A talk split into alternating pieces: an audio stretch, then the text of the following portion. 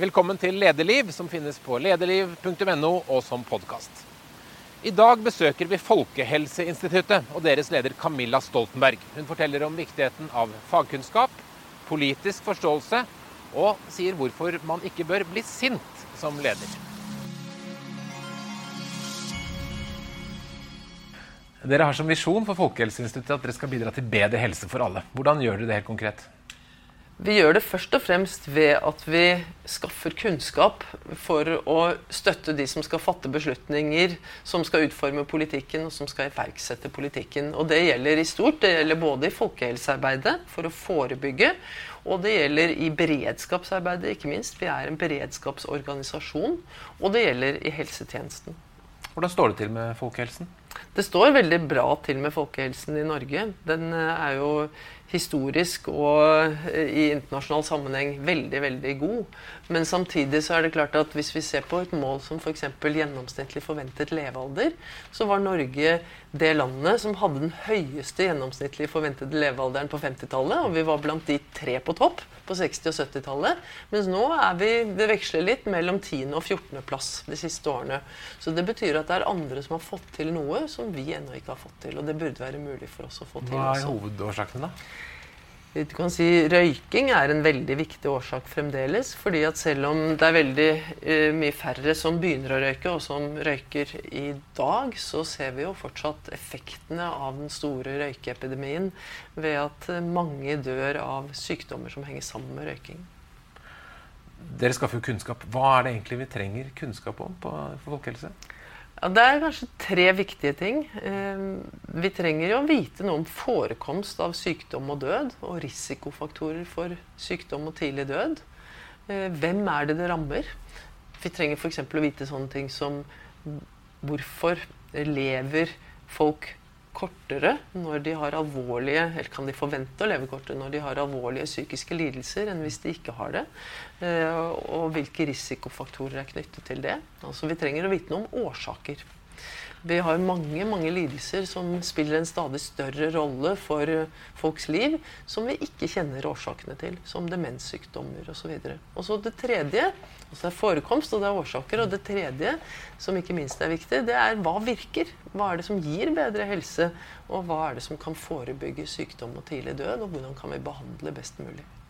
Du har sagt tidligere at noe av utfordringen er at det fins masse kunnskap forskjellige steder som ikke dere får lov til, eller som er vanskelig å få lov til å koble sammen. Er det fortsatt et problem? Ja, altså Det finnes ikke masse kunnskap, men det finnes mange data i Norge. Og Stortinget har jo besluttet at vi skal ha helseregistre. Og i helsetjenesten finnes det mye data. Eh, og disse dataene skal vi bruke til å skaffe kunnskap som gjør at det er lettere å, drive folkehelsearbeid eller helsetjenester i en kommune eller nasjonalt eller også globalt. Men vi har laget systemer som gjør at det tar veldig lang tid, er kostbart og nokså uforutsigbart. Å få tak i de dataene for å ta dem i bruk og gjøre dem nyttige. Så er, av personvern? Delvis. altså En del av begrunnelsen er personvern. Og jeg mener at et av de aller største fremskrittene i medisinsk og helsefaglig forskning er at vi har fått et sterkt personvern med sterke rettigheter for den enkelte innbygger og pasient. Uten det er det umulig og uetisk å drive forskning.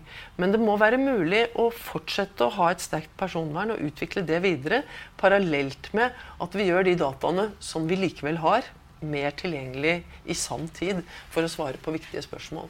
Det er klart at det er helt uholdbart at vi i beredskapssituasjoner ikke kan svare på enkle spørsmål som f.eks.: Hvor mange med alvorlig influensa ligger på intensivavdeling på et sykehus i dag? Eller eh, hvordan virker en vaksine? Gir den sjelden alvorlige bivirkninger som ikke har vært mulig å oppdage før den ble tatt i bruk? Og Den type ting kan vi ikke vente i årevis på å få svar på. Og spesielt ikke når vi allerede har dataene i samfunnet. Men er det kunnskap som er utfordringen på folkehelsen, eller er det det å få folk til å oppføre seg slik som vi vet at de burde? Det er ikke kunnskap alene, men jeg vil kanskje si at kunnskap er en nødvendig, men ikke tilstrekkelig forutsetning. Mm. Men kunnskap er veldig viktig fordi at vi iverksetter tiltak hele tiden. Vi setter i gang store prosjekter f.eks. For, for å få folk med alvorlige psykiske lidelser inn i arbeidslivet. Og da må vi jo måle om det vi gjør, virker. Vi bruker store ressurser på dem Bruker vi de ressursene riktig, eller skulle vi brukt dem på en annen måte? Derfor er kunnskap en mye mer integrert del og et integrert behov i det vi gjør. Men vi, har, vi er litt dårlig vant. Vi har hatt en tendens til, særlig på folkehelseområdet, men også i helsetjenestene, å sette i gang mange ting uten å være i stand til å måle om det virker eller ikke.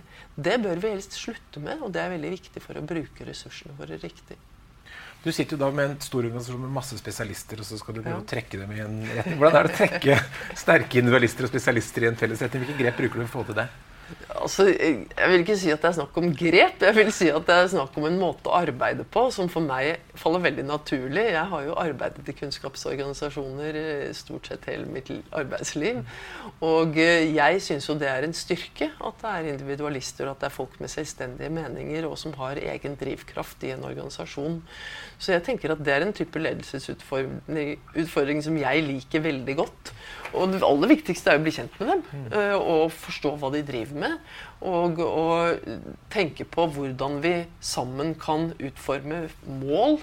Og så å bidra til at alt dette bindes sammen, og at folk løfter blikket og ser utover i samfunnet og i verden for øvrig, og skjønner at det de gjør, har noe å si for andre mennesker. Både deres kolleger på jobben, men også for, for de som det skal nå fram til å være nyttig for. Hvordan bidrar du, det, du til det i praksis som, som leder? I praksis? Mm. Ja, jeg tror jeg gjør det ved å, å kommunisere med folk. og så snakke med dem. Sette meg så godt det lar seg gjøre inn i hva de driver med. Eh, hvem de er, og hvorfor de mener det de mener. Hvorfor de arbeider på den måten de arbeider. Og så å arbeide med felles mål og formidle dem og se hvordan er sammenhengen mellom det den enkelte gjør, og det vi skal oppnå. Speeddating har jeg hørt om. Ja, det skulle jeg gjerne gjort. Jeg har ikke gjort så veldig mye av det, men det var utrolig lærerikt. Og det er faktisk noe jeg gjerne skulle gjort mye mer av. Hvordan gjorde du det? Nei, Vi gjorde det sånn at folk fikk lov å sette seg på en liste hvis de ville speeddate med meg. og så fikk de snakke om akkurat det som passet dem selv. Men de fikk en veldig kort, eh, et kort tidsrom. altså det, Jeg husker ikke om det var fem eller ti minutter. Ja. Og Så stilte de seg opp i kø, og så kom de inn og la fram sin sak. Og så stilte jeg noen spørsmål og kommuniserte med dem. Og for meg var det en ufattelig god måte å få helt presist innblikk i hva som ligger folk aller eh, tettest på hjertet og hjernen.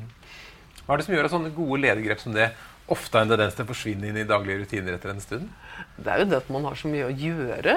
Men, eh, men, jeg tenker at man kan jo gjøre det til en rutine å gjøre det. Jeg er jo veldig mye rundt og møter folk, men eh, det å høre på hva de andre har å fortelle meg, og ikke bare snakke til dem, det syns jeg nok jeg gjør for lite av. Men det er noe av det jeg liker aller best. Du kommer fra en familie som har veldig, vært veldig politisk engasjert. Er det en forutsetning for å lykkes som leder i en statlig virksomhet at man har en god politisk forståelse? Ja. Det er ikke en forutsetning å komme fra en sånn familie som jeg kommer fra. Nei. Men eh, det å ha en politisk forståelse i den forstand at man forstår hvordan virker Stortinget, regjeringen, hvordan fattes beslutninger, og ikke minst ha en slags grunnleggende forståelse for hva er et demokrati, der veldig mange skal medvirke. Hvordan får man til beslutninger og gjennomføring samtidig som man skal lytte til mange? Det, det tror jeg er viktig. Den, forståelsen tror jeg handler vel så mye om å ha vært inne i og ha forstått disse prosessene som det rent formelle, den formelle kunnskapen om systemene, selv om det er nyttig å ha formell kunnskap om systemene også. Men ja, jeg vil si at det er viktig å ha en politisk forståelse. Det, mm, legger det noen begrensninger på hva dere kan, som institutt kan mene, og hva fagfolk kan mene, at det at dere er, inne, at dere er en statlig etat under et politisk regime?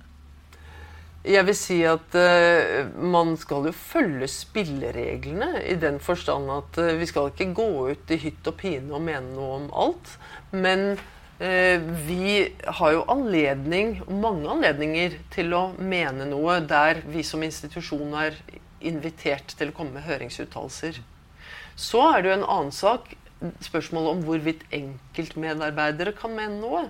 Og det mener jeg også er en verdi. Men vi må lage en kultur, utvikle en kultur for hvordan enkeltmedarbeidere kan få komme til uttrykk, samtidig som de ikke nødvendigvis representerer institusjonen eller Folkehelseinstituttet i dette tilfellet som helhet. Men kan man det da? Kan man skrive på Facebook kritiske kommentarer ja, til systemet? Ja, det kan man. Det mm. kan man. Og det, det gir ytringsfriheten en medarbeider rett til. Og vi som ledere har ikke sanksjonsmuligheter overfor det. En annen ting er at vi kan snakke om hva vi syns er fornuftig.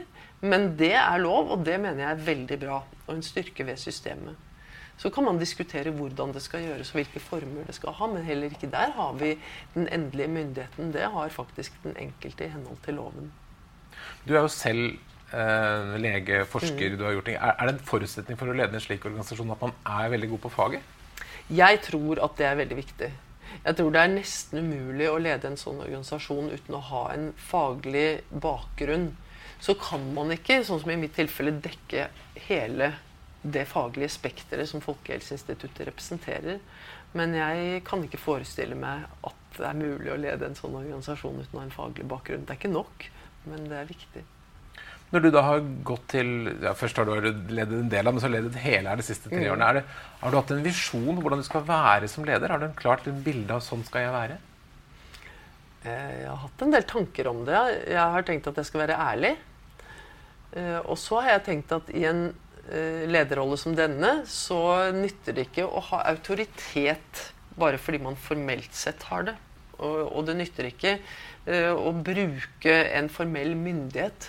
Man må faktisk hele tiden sørge for å få andre med seg og ha eh, vise seg verdig den rollen og den, uh, den, tilliten som blir gitt meg, både av de som har ansatt meg som leder, altså ovenfra fra Helsedepartementet, men ikke minst fra egne medarbeidere og fra omverdenen. Er det noen ledere som, altså enten fra sektoren eller andre, kanskje politiske ledere, som du har, som, har som forbilder som ledere? Forbilder kanskje tenker ikke så ofte på dem som ordentlig forbilder, men det er mange som jeg har respekt for og, og lar meg inspirere av. Og um, Er det noen som særlig har preget deg som leder? Ja, jeg vil gjerne det. Altså, det, jeg må jo si at jeg har vært veldig inspirert av min mor. Men, men, det er jo litt andre ting. Det går jo mye på det faglige engasjementet og på det å være saksorientert og være faktisk ganske åpen, eller være veldig åpen overfor hva er det riktige standpunktet, men også hva er mulig å oppnå.